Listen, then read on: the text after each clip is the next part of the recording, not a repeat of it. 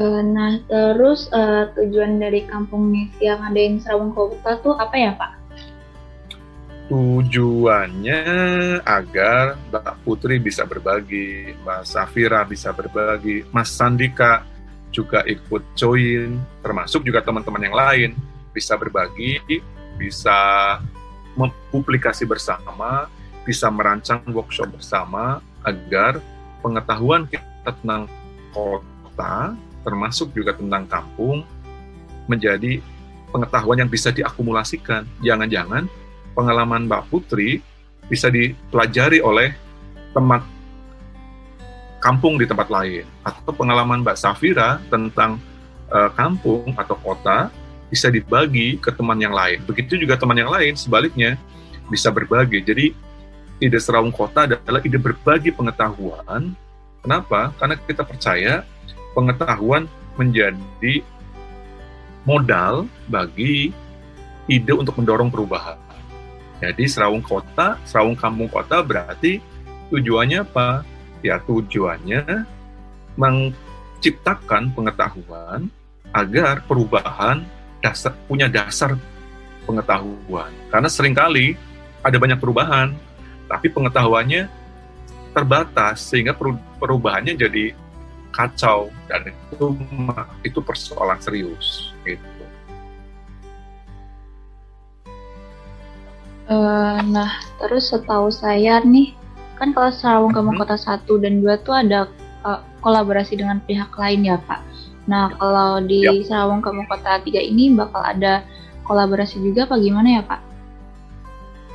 Uh, semua semua skema kita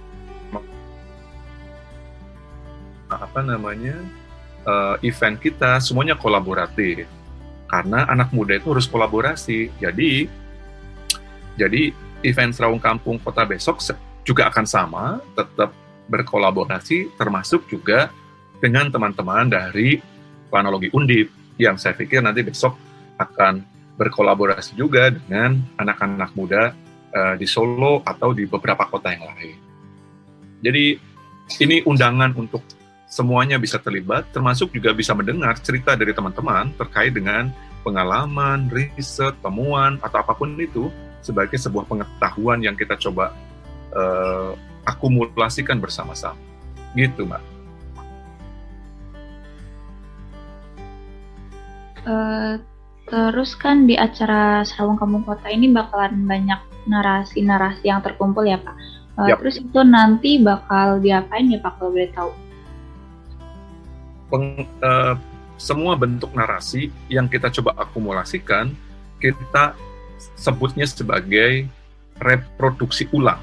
Jadi pengetahuannya kita distribusikan ulang, termasuk juga pengetahuan di kampung yang kita coba kembalikan lagi ke kampung atau kemudian kita bagikan secara luas.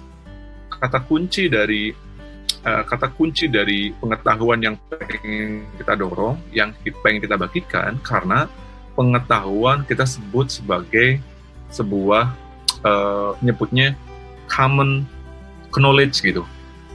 Cerita pengalaman saya di Solo sepertinya penting untuk atau bisa juga dimanfaatkan oleh teman-teman di kota lain, termasuk pengalaman teman-teman di Semarang misalnya, atau pengetahuan teman-teman di Semarang sepertinya penting juga untuk saya pelajari. Jadi, proses serawung itu adalah proses mempertemukan, proses berbagi satu sama lain, proses mendiseminasikan, dan kata kuncinya kita nyebutnya sebagai reproduksi pengetahuan. Pengetahuannya ada, tapi jika selepas kita dokumentasikan, kita bagikan, kita distribusikan sebagai sebuah pengetahuan bersama-sama. Itu. Oke, baik Mas. Uh, aku mau nanya nih, uh, yang bakal jadi puncak acara topik eventnya dari Srawung Kampung Kota ini apa ya Mas? Uh, di setiap salah satu target atau output di Serawung Kampung Kota itu adalah kita merilis beberapa publikasi yang sudah kita kerjakan sebelumnya. Jadi salah satu salah satu puncaknya adalah membagi beragam atau berbagai hasil pengetahuan yang sudah kita kolaborasikan. Termasuk juga misalnya kita menulis buku, buku yang kita rilis bukan buku yang kita kerjakan atau yang kita tulis saja, tapi bagian dari buku itu juga kontribusinya adalah teman-teman dari kota lain. Itu kenapa nanti Mas Sandika, Mbak Safira, Mbak Putri bisa berkontribusi untuk menulis apa pun tentang kampung, tentang kota. Itu kenapa kemudian makanya beberapa uh, edisi kedua kita meluncing album, kita meluncing juga buku apa namanya cerpen, beberapa komik dan seterusnya. Artinya kita pengen pengetahuan tentang kampung itu luas, inklusif, dan semua orang bisa terlibat atau partisipatif. Jadi ayolah semua orang bisa terlibat di dalamnya. Gitu, Mas Sandika. Oke, menarik ya Mas. Uh, terus kalau ini kan tadi udah nih uh, puncak acara, terus kalau ada nggak sih ide biar hasil nanti dari Serawung Kotanya itu bisa terus sampaikan ke masyarakat umum gitu? Uh, saya pikir sam, uh, kalau misalnya harus disampaikan ke masyarakat umum gitu ya, tentu butuh uh, butuh butuh cara lebih kompleks itu sekedar kampung kampung. Bahwa kemudian ia menjadi ide untuk dirujuk karena ia mengakumulasikan itu yang coba kita lakukan.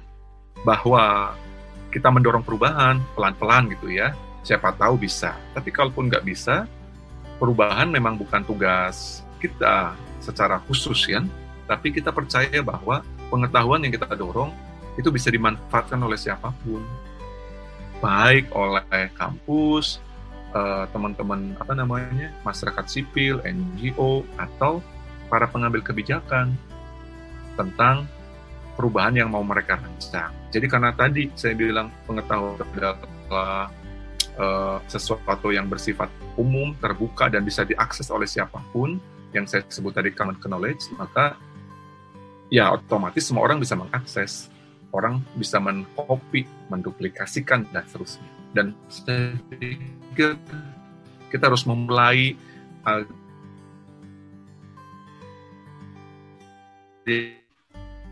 uh, harus dimonopoli, tapi harus dibagikan sedemikian rupa. Dan itu kenapa kemudian kita membuat serawung kampung kota, gitu mas. Oke, okay. baik menarik menarik banget tadi ya mas pembahasannya. Nah, buat nah ini yang terakhir nih. Terus kalau kita, hmm. saya itu sebagai mahasiswa nih dan Kak Alia dan Safira juga, khususnya uh, dari PWK sebagai calon planner nantinya. Terus nanti yep. uh, ada nggak sih yang bisa kita lakuin uh, selain ikut indu, uh, andil dalam Serawung Kota ini, apalagi mas kampung kota?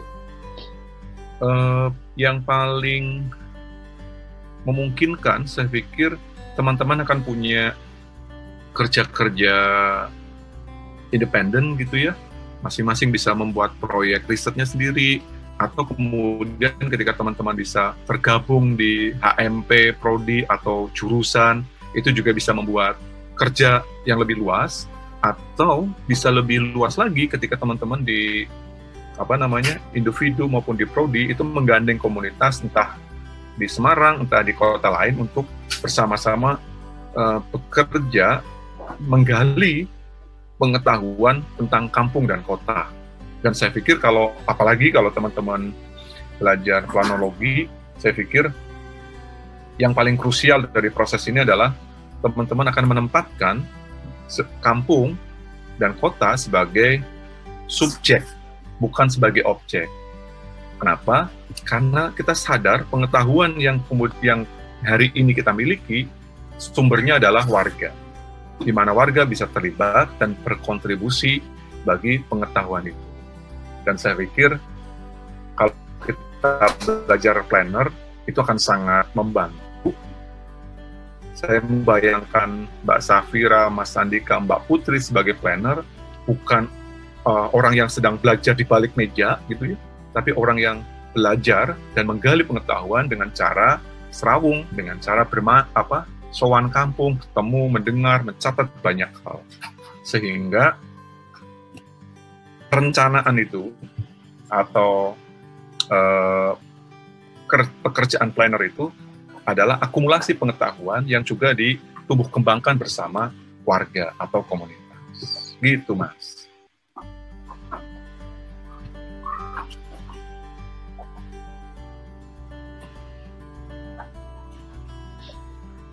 Oke, baik. Uh, menarik banget ya ini uh, pembahasannya tentang kampung kota ini. Hmm.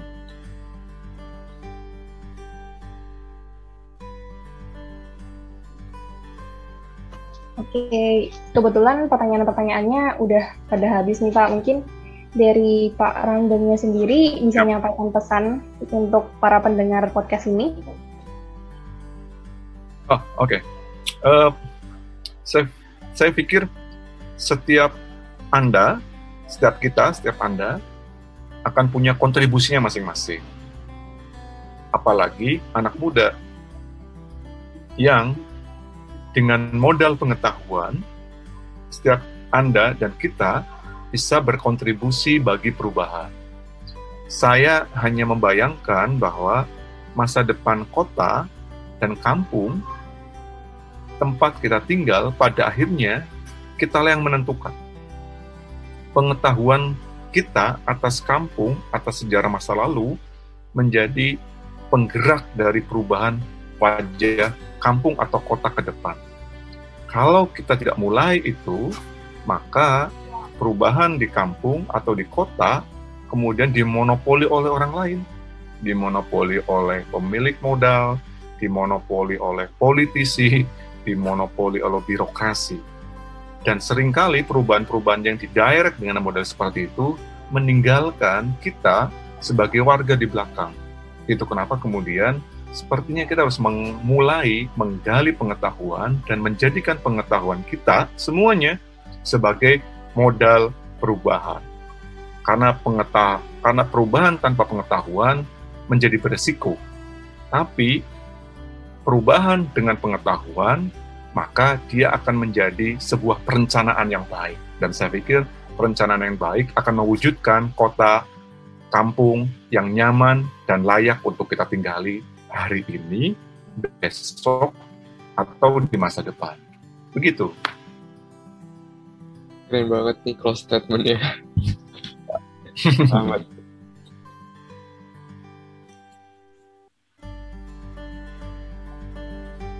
Oke, karena berhubung pertanyaannya juga udah habis, kita mau ngingetin aja nih buat para pendengar, mungkin bisa pada join ya ke kampung kota ini, kan udah yep. diburin juga udah banyak banget manfaatnya yang bakal didapat.